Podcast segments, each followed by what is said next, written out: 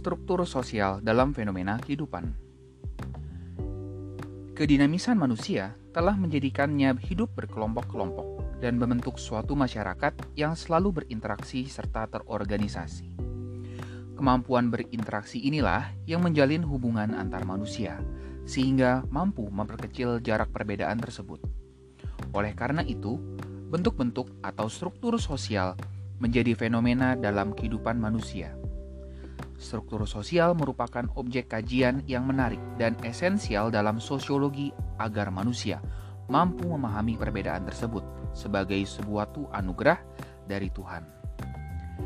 Perbedaan manusia dalam kehidupan bermasyarakat bukan untuk dibesar-besarkan sehingga dapat memicu terjadinya konflik dan menghilangkan integritas masyarakat, seperti yang sering terjadi akhir-akhir ini dalam kehidupan bangsa Indonesia. Dalam bab ini, Anda akan mempelajari tentang bentuk-bentuk struktur sosial dalam fenomena kehidupan masyarakat. Dalam mempelajari bentuk-bentuk struktur sosial, Anda diharapkan dapat memahami adanya diferensiasi sosial dan stratifikasi sosial yang terjadi dalam masyarakat. Bagian pertama, pengertian struktur sosial. Istilah struktur berasal dari kata struktum yang berarti menyusun. Dengan demikian, struktur sosial memiliki arti susunan masyarakat. Adapun penggunaan konsep struktur sosial tampaknya beragam. Walaupun demikian, kita dapat memberikan batasan-batasan melalui berupa melalui, melalui beberapa definisi struktur sosial menurut para ahli, yaitu sebagai berikut. A menurut Radcliffe Brown. Struktur sosial adalah suatu rangkaian kompleks dari relasi-relasi sosial yang berwujud dalam suatu masyarakat. Dengan demikian, struktur sosial meliputi relasi sosial di antara para individu dan perbedaan individu, dan kelas sosial menurut peranan sosial mereka. Menurut Evan Pritchard, struktur sosial ialah relasi-relasi yang tetap dan menyatukan kelompok-kelompok sosial pada satuan yang lebih luas. Menurut menurut Beatty, struktur sosial adalah bagian-bagian atau unsur-unsur dalam masyarakat itu yang tersusun secara teratur guna membentuk suatu kesatuan yang sistematik. Menurut Raymond Firth, konsep struktur sosial merupakan analytical tool atau alat analisis yang diwujudkan untuk membantu pemahaman tentang tingkah laku manusia dalam kehidupan sosial. Dari beberapa definisi tersebut, pada dasarnya yang terpenting dalam struktur sosial ialah relasi-relasi sosial yang penting dalam menentukan tingkah laku manusia.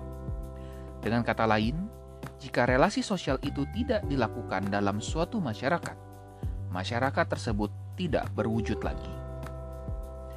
Pada pelajaran sebelumnya, Anda sudah mengetahui bahwa wujud dari suatu masyarakat adalah adanya interaksi antar individu yang menghasilkan nilai dan norma, adanya status dan peran, adanya kehidupan berkelompok, organisasi sosial, dan institusi sosial.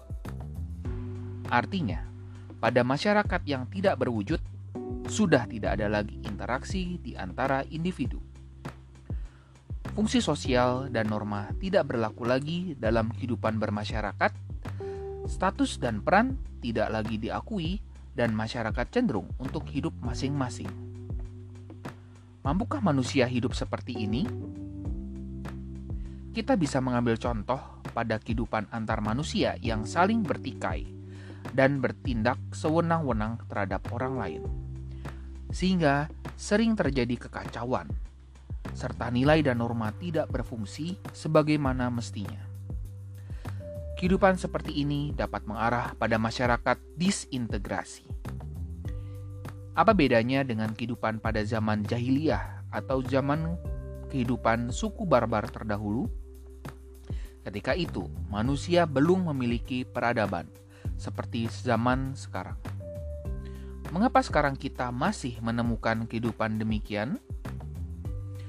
Secara definitif, struktur sosial diartikan sebagai suatu skema penempatan nilai-nilai sosial budaya dan organ-organ masyarakat pada posisi yang dianggap sesuai agar organisme masyarakat sebagai suatu keseluruhan dapat berfungsi dan kepentingan setiap bagian dapat berjalan dalam jangka waktu yang relatif lama. Dalam skema inilah dapat diketahui bahwa masyarakat sebagai organisme sosial tertinggi mempunyai fungsi yang paling umum. Fungsi itu hanya dapat dilaksanakan dengan baik jika komponen-komponen dan suborgan yang ada di dalamnya bekerja dengan baik pula. Nilai-nilai sosial budaya dalam struktur sosial terdiri atas ajaran agama, ideologi, dan kaidah-kaidah moral, serta peraturan sopan santun yang dimiliki suatu masyarakat. Setiap satuan nilai memiliki tempat dan peranan tersendiri Demikian juga kelompok-kelompok atau komponen-komponen sosial yang beragam juga mengemban tugas yang sesuai dengan kalian masing-masing. Setiap komponen dari struktur sosial tidak bekerja sendiri-sendiri, tetapi secara bersama-sama saling mengisi dan melengkapi. Semua kegiatan itu akhirnya disatu padukan oleh organisasi besar yang disebut masyarakat. Organ-organ masyarakat adalah semua komponen yang berbentuk masyarakat. Komponen-komponen tersebut berupa kelompok-kelompok sosial, lembaga-lembaga atau institusi-institusi sosial. Organ-organ tersebut berfungsi sebagai wadah bagi anggota masyarakat yang mengusahakan nilai-nilai tertentu menjadi wujud nyata dan dapat digunakan untuk memenuhi kebutuhan hidupnya. Tempat yang diberikan masyarakat kepada setiap anggotanya ditentukan oleh tinggi rendahnya wujud nilai sosial yang diusahakan. Sesuai dengan sifat manusia yang dinamis, penempatan posisi yang aktual dalam struktur tersebut tidak diberlakukan secara mutlak dan untuk selamanya, karena struktur yang mencerminkan pandangan hidup masyarakat pada waktu tertentu skema dari suatu struktur sosial selalu berubah sejalan dengan perkembangan zaman, kebutuhan, dan pandangan masyarakat tentang nilai-nilai yang ada. Jika struktur tersebut tidak sesuai lagi dengan keadaan masyarakat, struktur sosial yang lama harus disesuaikan dengan struktur sosial yang baru. Uraian di atas sejalan dengan pernyataan A. Giddens 1976 yang menyatakan bahwa struktur sosial adalah sumber daya yang bisa memberdayakan sekaligus membatasi masyarakatnya. Menurutnya, pada masa lalu, kebanyakan pandangan tentang struktur sosial terkonsentrasi pada ciri-ciri yang restriktif dan membatasi. Bagi Giddens, Hal ini jelas merupakan sebuah kekeliruan dalam memahami bagaimana kekuatan dan struktur beroperasi dalam lingkungan sosial. Memberikan penekanan pada aspek negatif struktur sosial sama halnya dengan mengingkari potensi sosial manusia. Hal ini sama saja dengan mengklaim bahwa manusia tidak dapat memberikan penolakan secara refleksif dan tidak bisa menentang berbagai batasan ini secara aktif. Demikian bagian pertama dari buku Struktur Sosial dalam Fenomena Kehidupan.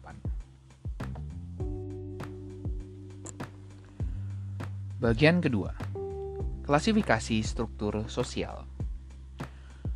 Struktur sosial dalam fenomena kehidupan manusia dapat diklasifikasikan atas lima jenis sebagai berikut.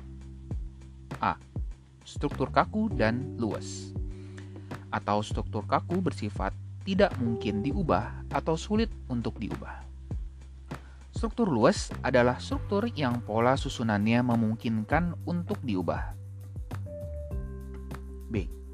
Struktur formal dan informal.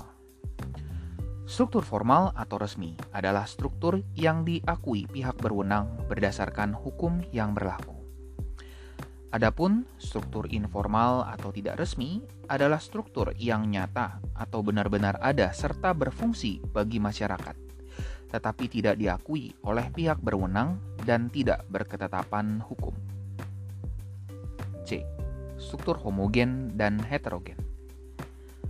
Struktur homogen adalah suatu struktur sosial yang unsur-unsurnya mempunyai pengaruh yang sama terhadap dunia luar. Struktur heterogen adalah suatu struktur yang unsur-unsurnya mempunyai kedudukan yang berbeda-beda dan kesempatan setiap unsur pun berbeda pula, baik terhadap kelompok sendiri maupun terhadap kelompok lain. D. Struktur mekanis dan statistik.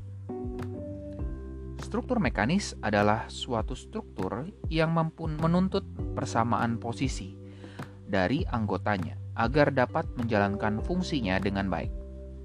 Struktur statistik adalah struktur yang dapat berfungsi dengan baik apabila persyaratan jumlah anggotanya terpenuhi. Struktur atas dan bawah. E. Struktur atas atau suprastruktur umumnya diduduki oleh golongan orang yang memegang kekuasaan dalam bidang politik, ekonomi, dan sosial budaya. Struktur bawah atau infrastruktur adalah tempat bagi golongan masyarakat bawah atau mereka yang taraf hidupnya relatif rendah. Mengacu pada pengertian dan jenis struktur sosial. Secara umum, masyarakat dapat diklasifikasikan ke dalam pengelompokan secara horizontal, yaitu diferensiasi sosial, dan secara vertikal, yaitu stratifikasi sosial. Peter M. Blau mengemukakan bahwa masyarakat plural dapat dibagi menjadi dua, yaitu heterogenitas dan kesenjangan sosial. Heterogenitas atau keragaman merupakan diferensiasi sosial berdasarkan parameter nominal yang meliputi SARA, parpol, dan ormas.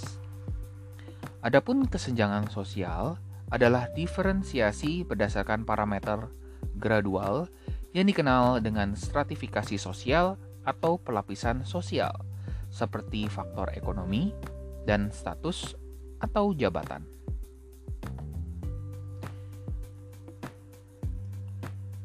Berikut adalah pengertian diferensiasi sosial.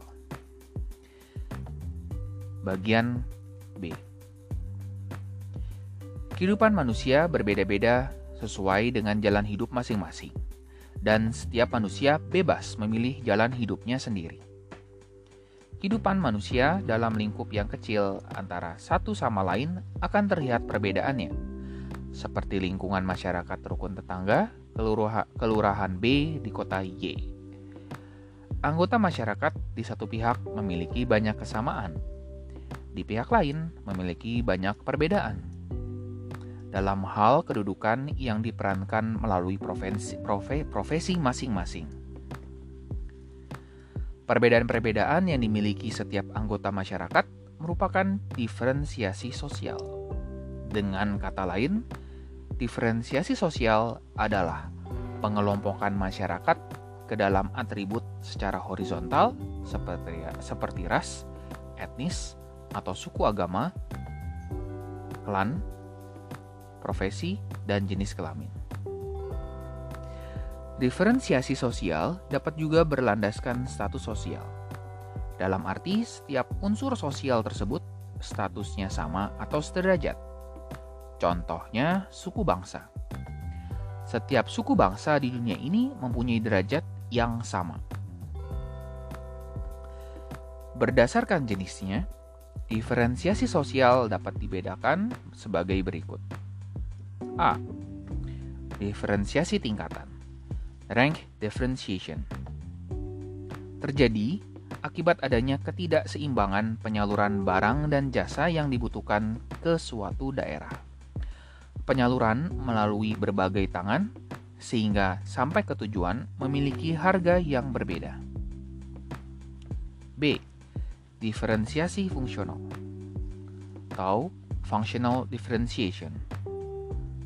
Terjadi karena adanya pembagian kerja yang berbeda-beda di suatu lembaga sosial. Setiap orang yang bekerja harus melaksanakan kewajiban sesuai dengan fungsinya. C. Diferensiasi adat. Custom differentiation. Aturan dan norma yang mengikat masyarakat muncul di suatu daerah sebagai kebutuhan munculnya norma atau aturan untuk mengatur ketentraman dan ketertiban masyarakat sengaja diadakan pada saat dan situasi tertentu karena keberadaannya memang dibutuhkan. Adanya aturan atau norma yang muncul sejalan dengan nilai yang ada pada masyarakat bersangkutan agar perilaku setiap warganya terkendali.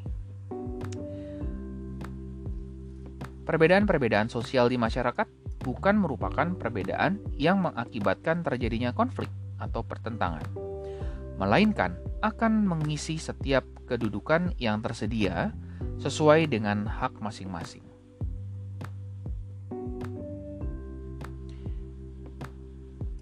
Bagian kedua, bentuk-bentuk diferensiasi sosial. Sesuai dengan pengertiannya, yaitu pengelompokan ke dalam kelas-kelas secara horizontal Masyarakat memiliki bentuk-bentuk sebagai berikut. A. Perbedaan ras dan etnis. Konsep ras memiliki banyak pengertian, bergantung pada tujuan dan kondisi yang diperlukan. Dalam pemahaman masyarakat secara umum, ras dapat berarti golongan tertentu umat manusia berdasarkan ciri-ciri biologis. Beberapa ahli sosial mengartikan ras sebagai suatu kelompok manusia yang dapat dibedakan dari kelompok lainnya karena ada beberapa karakteristik fisik atau lahiriah seperti warna kulit, bentuk muka yaitu mata, hidung, bibir, dagu, warna dan bentuk rambut, dan sebagainya. Misalnya, penggolongan ras Mongoloid, Negroid, ataupun Kaukasoid.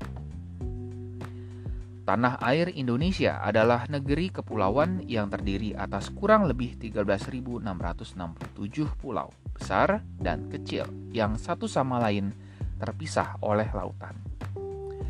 Bangsa Indonesia yang majemuk terbagi-bagi atas kelompok-kelompok etnis, agama, status sosial dalam bentuk diferensiasi sosial yang merupakan pembagian sosial secara horizontal keanekaragaman bangsa Indonesia tumbuh dan berkembang sesuai dengan lingkungan tempat mereka berada. Keanekaragaman tersebut berdasarkan penggolongan sosial budaya yang disebut perbedaan etnis. Umat manusia yang menempati permukaan bumi telah digolongkan menurut ciri lahiriahnya atau ras ke dalam kedua ke dalam dua golongan, yaitu sebagai berikut. 1. Ciri-ciri kualitatif. Ciri-ciri kualitatif meliputi warna kulit, warna dan bentuk rambut, bentuk bibir, bentuk hidung, dan lain-lain. A. Warna kulit. Warna kulit merupakan ciri yang paling tampak pada setiap ras manusia.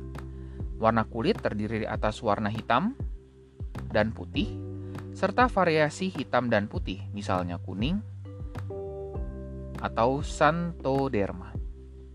Sebagai contoh, putih atau Nordik, kuning atau Tionghoa, coklat, coklat atau Dravia, kuning coklat atau Polinesia, dan coklat hitam atau ras negro. Warna rambut D. Warna rambut terdiri atas hitam, coklat, dan kemasan. C. Warna mata. Warna mata terdiri atas hitam, coklat, biru, hijau, dan abu-abu. D. Bentuk rambut. Bentuk rambut terdiri atas bentuk lurus, bergelombang, dan seperti wall. E. Bentuk muka atau wajah. Bentuk muka atau wajah dapat dipengaruhi oleh tiga faktor, yaitu indeks muka, bentuk tulang pipi, prognatisme, yaitu derajat proyeksi muka atau dibandingkan posisi kepala secara vertikal atau tegak, bentuk dagu, dan bentuk hidung.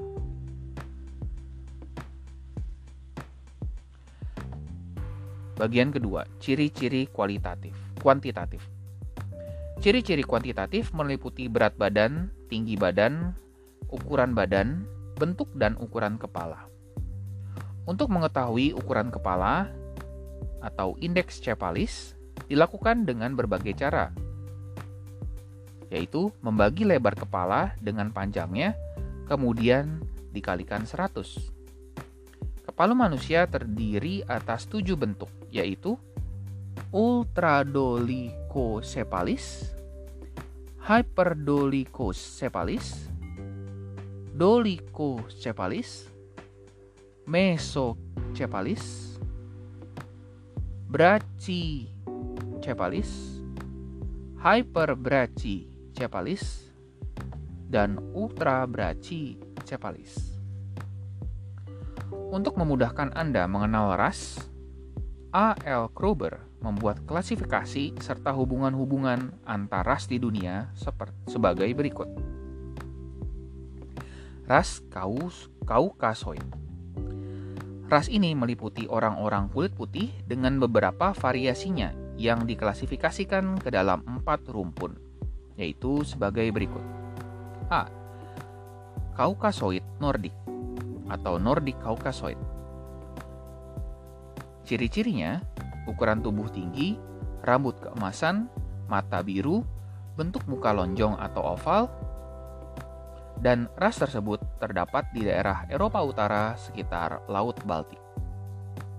B. Caucasoid Mediterania atau Mediterranean Caucasoid. Dengan ciri-ciri Ukuran tubuh lebih pendek daripada Nordik, rambut coklat dan hitam, mata coklat, bentuk muka bulat, dan ras tersebut terdapat di sekitar Laut Tengah, Afrika Utara, Armenia, Saudi Arabia, dan Iran. C. Caucasoid alpin atau alpin Caucasoid dengan ciri-ciri Bentuk tubuh antara tipe Nordik dan Mediterania. Mereka terdapat di daerah Eropa Timur dan Eropa Tengah. D. Caucasoid Indik atau Hindu atau Indik Caucasoid. Dengan ciri-ciri ukuran tubuh lebih pendek daripada Mediterania, warna kulit ras mongoloid kuning dan coklat, tetapi bentuk muka ras Caucasoid mata hitam, rambut hitam, bentuk muka lonjong atau oval dan bulat, dan mereka terdapat di Pakistan, India, Bangladesh, dan Sri Lanka. Ras Mongoloid Bagian kedua Ras ini diklasifikasikan ke dalam tiga rumpun, yaitu sebagai berikut. A. Mongoloid Asia atau Asiatic Mongoloid. Warna kulit kuning, pucat atau putih lobak, ukuran tubuh sedang, rambut hitam kejur, bentuk muka lonjong atau oval dan bulat, mata sipit. Ras tersebut terdapat di daerah Asia Utara, Asia Tengah, dan Asia Timur. B. Ras Mongoloid Malaya atau Oceania atau Malayan Mongoloid dengan ciri-ciri warna kulit kuning kecoklatan, ukuran tubuh agak tinggi, bentuk muka lonjong atau oval dan bulat, mata biasa, rambut hitam lurus dan bergelombang, dan mereka terdapat di daerah Asia Tenggara, Kepulauan Indonesia, Malaysia, Filipina, dan penduduk asli Taiwan. C. Mongoloid Amerika atau Indian atau American Mongoloid. Dengan ciri-ciri warna kulit merah, ukuran tubuh tinggi, rambut hitam lurus, bentuk muka lonjong atau oval, mata sipit. Mereka terdapat di daerah Amerika Selatan atau penduduk Terra del Fuego dan di Amerika Utara atau penduduk asli Eskimo. Bagian ketiga, ras Negroid. Ras Negroid memiliki ciri-ciri khusus terutama warna dan bentuk rambut, yaitu hitam dan keriting. Ras ini diklasifikasikan atas tiga rumpun, yaitu sebagai berikut. A. Negroid Afrika atau African Negroid. Dengan ciri-ciri badan kekar dan tinggi, kulit hitam pekat, rambut hitam keriting, bentuk muka bulat atau tebal. Jenis ras ini terdapat di benua Afrika. Negrito B. Negrito memiliki ciri-ciri ukuran tubuh pendek dan kekar, ukuran kaki dan tangan pendek, dan mereka terdapat di Afrika Tengah, Semenanjung Melayu, dan Filipina. C. Negroid Melanesia atau Papua melanosoid dengan ciri-ciri ciri-ciri tubuh antara negro negroid Afrika dan negrito. Mereka terdapat di Pulau Papua dan Kepulauan Melanesia. D. Australoid dengan ciri-ciri Ciri-ciri tubuh hampir sama dengan negroid Afrika. Kelompok ini merupakan ras penduduk asli Australia bertempat tinggal di daerah pedalaman, hidup secara bergelombol dan berpindah-pindah. Saat ini jumlahnya relatif sedikit dan semakin berkurang.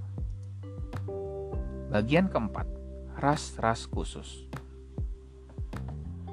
Ras-ras khusus adalah ras yang tidak termasuk ras induk, yaitu Kaukasoid, Mongoloid, dan Negroid. Ras ini diklasifikasikan ke dalam empat rumpun, yaitu sebagai berikut. A. Bushman Bushman memiliki ukuran tubuh sedang, warna kulit coklat, rambut hitam keriting, dan mata lebar. Mereka terdapat di daerah Gurun Kalahari, Afrika Selatan. B. Vendoid Vedoid ciri-cirinya hampir sama dengan Negrito. Ukuran tubuh lebih pendek, mendekati kerdil. Mereka terdapat di daerah pedalaman Sri Lanka dan Sulawesi Utara. C.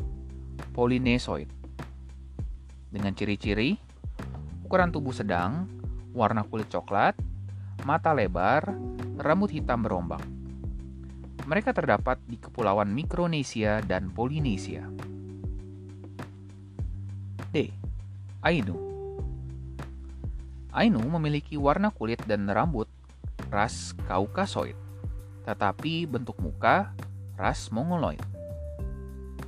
Mereka terdapat di Pulau Hokkaido dan Karafuko, Jepang Utara. R. Sukmono menyatakan bahwa di India belakang atau Indochina bagian utara sejak zaman Mesolitikum terdapat berbagai ras, di antaranya golongan Papua, Melanosoid, Europoid, Wedoid, dan Mongoloid. Mereka kemudian bercampur dan menyebar ke berbagai daerah termasuk Indonesia.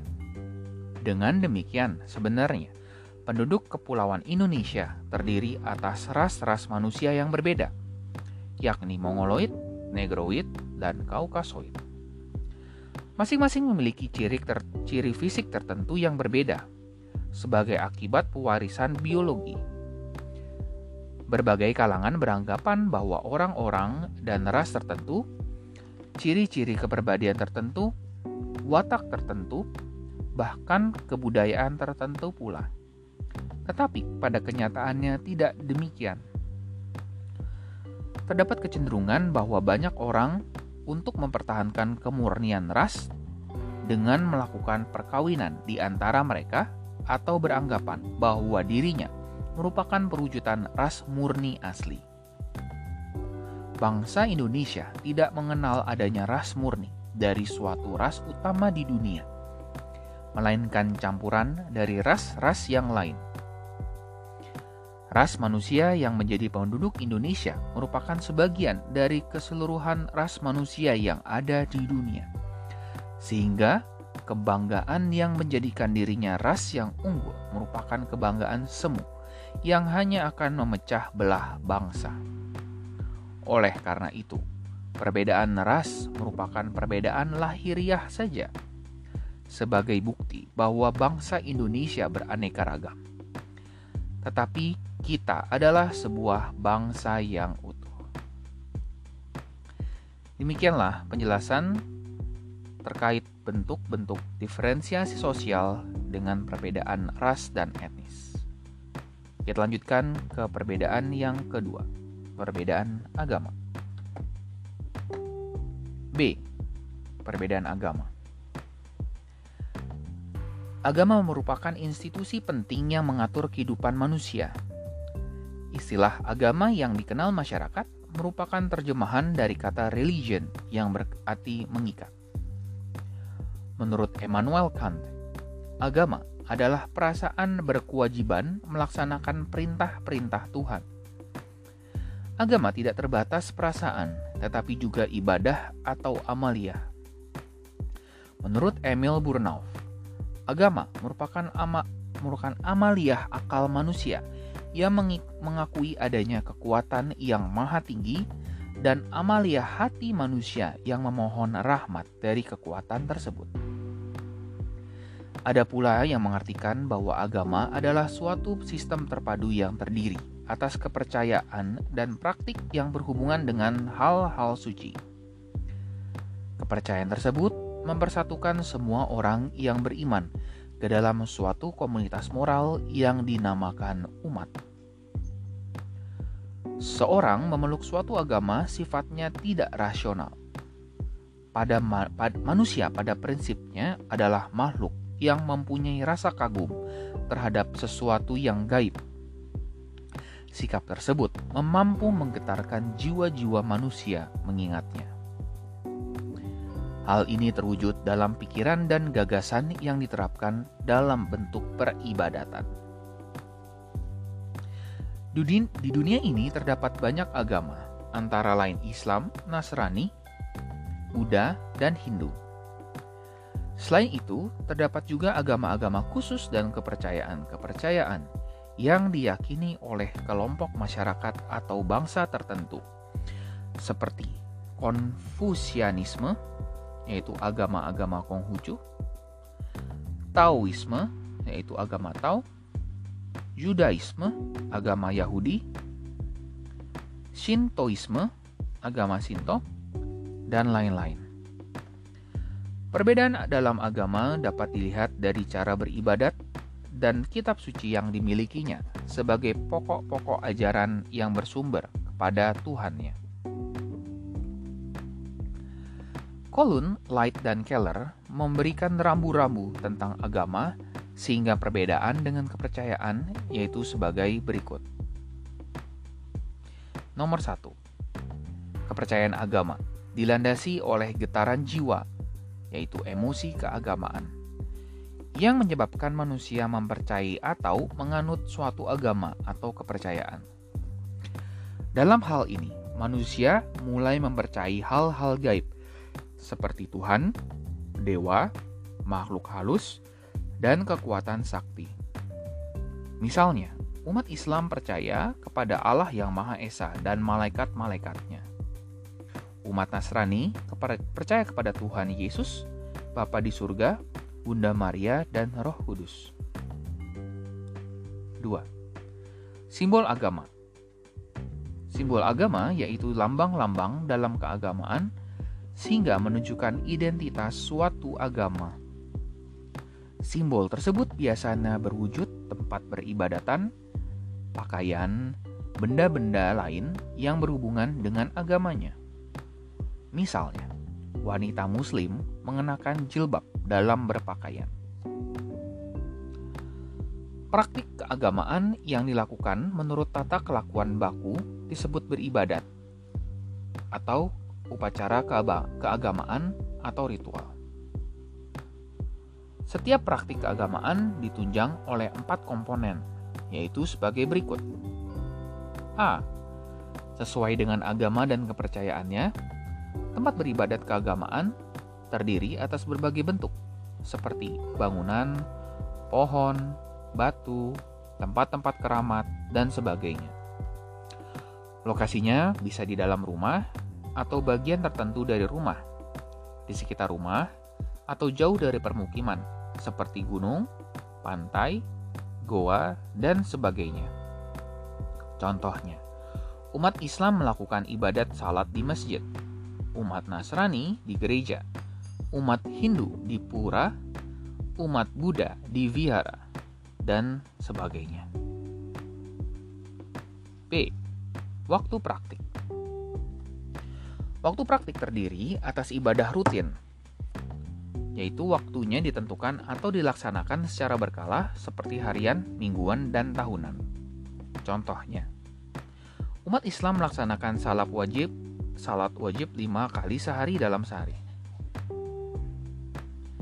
Umat Nasrani beribadat di gereja setiap hari Minggu, umat Buddha sembahyang di waktu pagi dan sore hari, dan ibadah insidental yaitu ibadah yang dilaksanakan apabila dianggap perlu.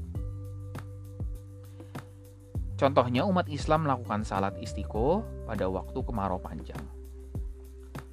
Sarana atau prasarana C.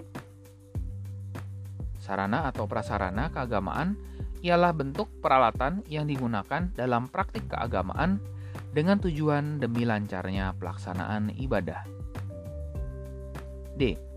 Umat beragama Umat beragama atau komunitas beragama merupakan pengelompokan pada komunitas agama yang pada umumnya didasari oleh ideologi atau paham keagamaan setiap pengikutnya.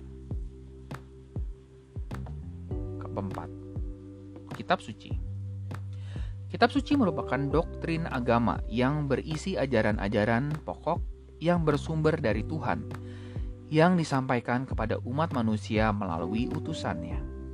Misalnya, kitab suci Al-Quran dan hadis bagi umat Islam, umat Kristiani dalam Alkitab, atau Injil bagi umat Kristiani, Tripitaka bagi umat Buddha, Weda bagi umat Hindu, dan sebagainya. Setiap manusia dalam memeluk agama dan kepercayaannya masing-masing didasarkan pada beberapa alasan, seperti sarana meditasi agar mendapatkan ketenangan hidup, mengakui adanya sesuatu yang lebih tinggi darinya, doktrin orang tua yang mengingat agar agama yang dianutnya dapat pula oleh anaknya dianut oleh anaknya dan keturunannya, pengaruh lingkungan baik keluarga maupun masyarakat. 5. Kebutuhan batin Primordial dapat berarti mula-mula, pokok, pertama, kesetiaan terhadap unsur-unsur yang diperoleh dalam sosialisasi sejak dilahirkan. Primordialisme merupakan pengelompokan manusia yang dilandasi dengan kesetiaan terhadap unsur-unsur yang diperoleh dalam sosialisasi sejak lahir, berupa unsur-unsur pokok dalam kehidupan manusia. Dalam masyarakat yang menjunjung primordialisme agama, misalnya ada sejumlah orang yang saling berhubungan secara teratur dalam kehidupan keagamaan. Primordialisme dalam masyarakat umumnya dilandasi oleh beberapa faktor, seperti keyakinan ideologi, adanya kepentingan pribadi atau golongan, keturunan darah, dan kesamaan daerah. Bangsa Indonesia adalah bangsa yang beragama dan mereka sepenuhnya percaya terhadap Tuhan yang Maha Esa sesuai dengan agama dan kepercayaannya masing-masing. Kepercayaan dan ketakwaan terhadap Tuhan Yang Maha Esa adalah hak asasi manusia yang paling pokok, sehingga satu sama lain mengakui dan menghormati agama-agama yang dianut. Pengakuan terhadap agama menunjukkan tindakan yang adil terhadap diri sendiri dan terhadap orang lain sebagai pemeluk agama yang berbeda dengan yang kita anut. Adanya kerukunan beragama akan menunjukkan, menumbuhkan sikap toler, toleransi di antara warga negara. Sikap ini ada semenjak dahulu, yang tertulis dalam buku Suta Soma karya Empu Tantulara.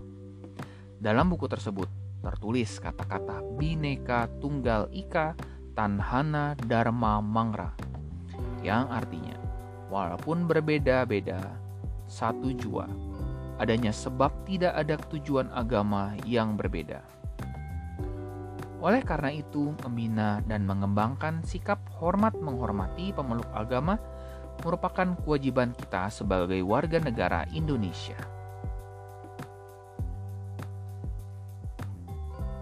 Bagian di atas merupakan penjelasan tentang perbedaan agama. Selanjutnya, perbedaan suku bangsa pada bagian C.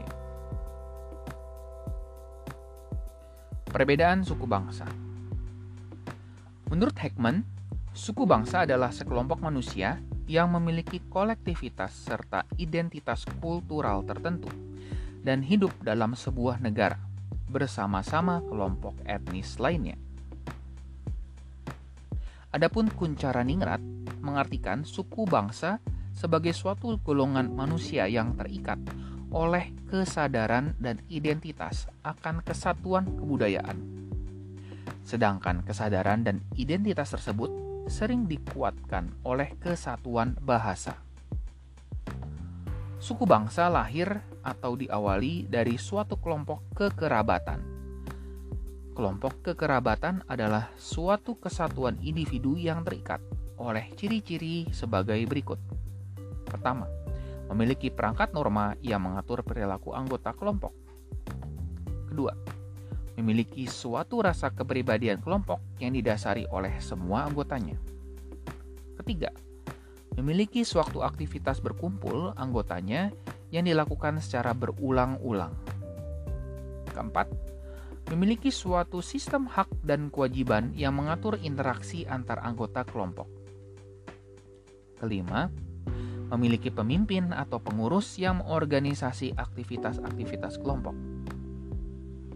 Keenam, memiliki suatu sistem hak dan kewajiban bagi anggotanya terhadap sejumlah harta produktif, harta konsumtif, atau harta pusaka tertentu.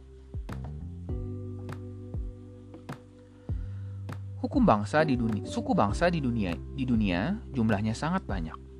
Mulai dari suku bangsa yang hanya memiliki anggota ratusan orang sampai dengan yang jumlahnya jumlah anggotanya jutaan orang para ahli sosiologi dan antropologi berusaha menentukan batas-batas suku bangsa secara konkret.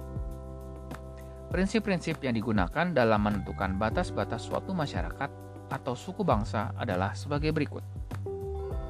Yang pertama, kesatuan manusia yang dibatasi oleh kesamaan ras atau ciri-ciri jasmania.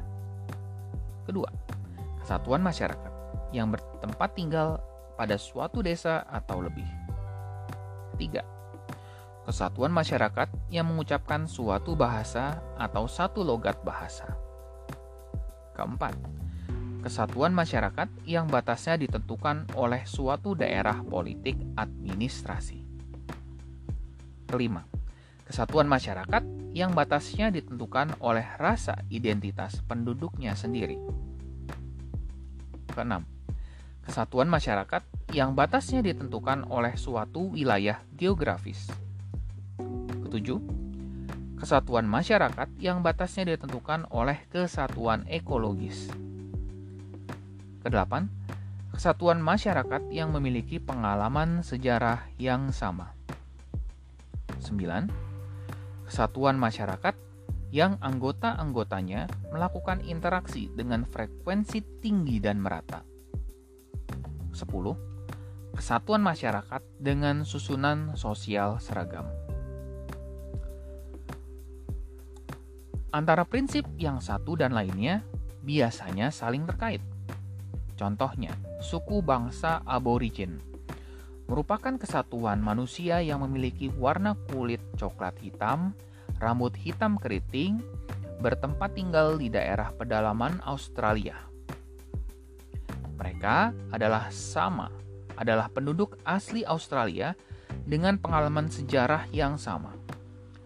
Setiap anggotanya mengidentifikasikan diri dengan pola perilaku yang berlaku dalam masyarakatnya, sehingga sulit berbaur dengan masyarakat pendatang atau orang kulit putih, yang jumlah anggotanya relatif sedikit.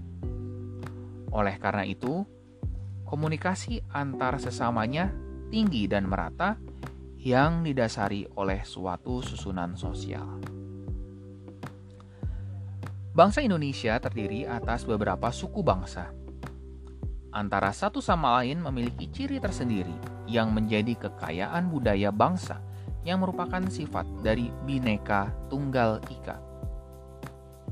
Setiap suku de bangsa berkembang sesuai dengan lingkungan alam, sosial, dan budaya sehingga akan menjadikan keanekaragaman bahasa daerah, adat istiadat, kebiasaan, dan hukum adat. Suku bangsa di Indonesia memiliki banyak kesamaan, yaitu pertama, persamaan kehidupan sosial atas dasar kekeluargaan. Kedua, asas-asas yang sama atas hak milik tanah. Ketiga, asas-asas yang sama dalam bentuk persekutuan masyarakat, seperti bentuk kekerabatan, adat perkawinan. Dan yang keempat, asas-asas yang sama dalam hukum adat. Keanekaragaman budaya daerah secara keseluruhan berpadu dalam suatu kesamaan dan keseragaman, yaitu lingkungan, hukum, adat, dan asal budaya. Kebudayaan daerah sebagai tonggak kebudayaan nasional memiliki potensi yang besar, yaitu sebagai berikut. Yang pertama, memiliki, mengandung, dan menyimpan kemampuan atau menjadi kekuatan untuk bersatu sebagai satu bangsa, sehingga menjadi daya tarik dan keindahan dari keanekaragaman budaya. Kedua, memancarkan potensi ekonomis, yaitu menarik wisatawan dari dalam ataupun luar negeri. Ketiga, merupakan kebanggaan daerah masing-masing, di samping sebagai unsur penggerak kesadaran bangsa. Penduduk Indonesia terdiri atas berbagai macam suku bangsa dan dengan kebudayaannya yang berbeda-beda antara satu suku bangsa dan suku bangsa yang lain. Kebudayaan yang dimiliki oleh setiap suku bangsa sebagai ciri dari suku bangsa yang bersangkutan, terutama ciri sosialnya seperti bahasa, struktur masyarakat, sistem politik, dan lain-lain. Warga masyarakat dari salah satu suku bangsa apabila berada di luar daerahnya dalam keadaan tertentu cenderung mewujudkan rasa setia kawan atau solidaritas dengan sesamanya. Contohnya, di Jakarta atau di kota-kota besar lainnya, identitas setiap suku bangsa cenderung tidak tampak. Akan tetapi, pada saat mereka sedang berkumpul atau berbicara, akan terlihat jelas karena biasanya setiap suku bangsa memiliki logat bicara atau pakaian adat yang khas, berbeda dengan suku bangsa yang lain. Bagi orang-orang yang tinggal di luar wilayah suku bangsanya, akan menganggap daerah asal sebagai kampung halaman yang diwarisi turun-temurun dari nenek moyang mereka. Begitu pula bagi orang dari salah satu suku bangsa yang berada di suatu daerah atau pribumi. Apabila kedatangan orang lain dari suku bangsa yang berbeda, akan mengatakan pendatang sebagai orang luar atau bukan orang kita. Perbedaan suku, bangsa, dan budaya jangan menjadikan setiap orang merasa dari suku, satu suku bangsa yang unggul sehingga meremehkan orang lain dari suku bangsa yang berbeda. Perbedaan kesukuan yang tinggi pun bisa mengakibatkan terjadinya konflik di antara mereka. Perasaan semacam ini harus dihilangkan karena kita sebagai bangsa Indonesia wajib menghargai perbedaan suku bangsa sebab kebudayaan merupakan kekayaan budaya bangsa Indonesia. Keanekaragaman budaya bangsa merupakan warisan masa lampau yang sekarang masih dapat dinikmati. Oleh karena itu, keberadaan keanekaragaman budaya tersebut perlu untuk dilindungi, dipertahankan, dan dipelihara. Hal ini karena mengandung nilai-nilai kebudayaan yang luhur sebagai kekayaan budaya bangsa yang tidak ternilai.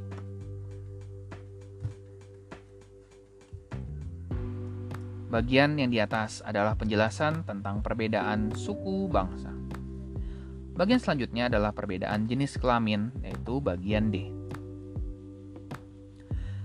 Perbedaan jenis kelamin.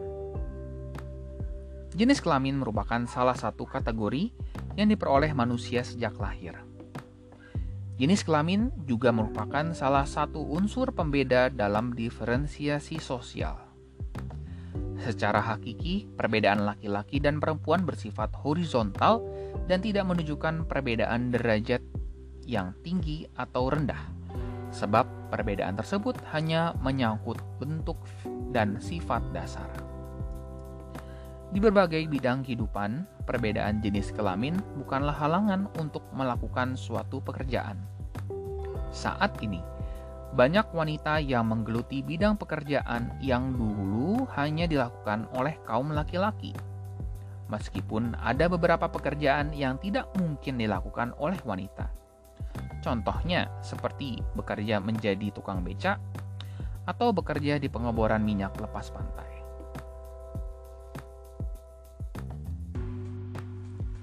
Perbedaan profesi. Bagian E.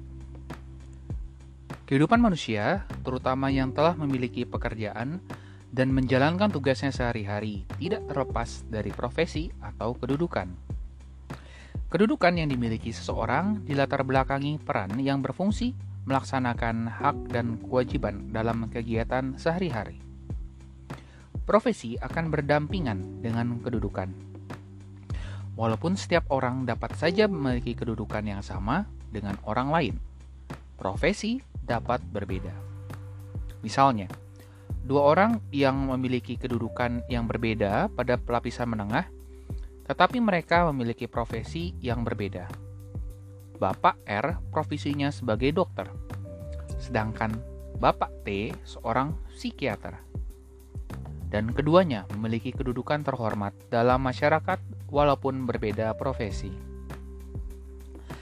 Setiap orang memiliki profesi yang umum, didapat dan disesuaikan dengan latar belakang pendidikan, keterampilan, dan keahlian.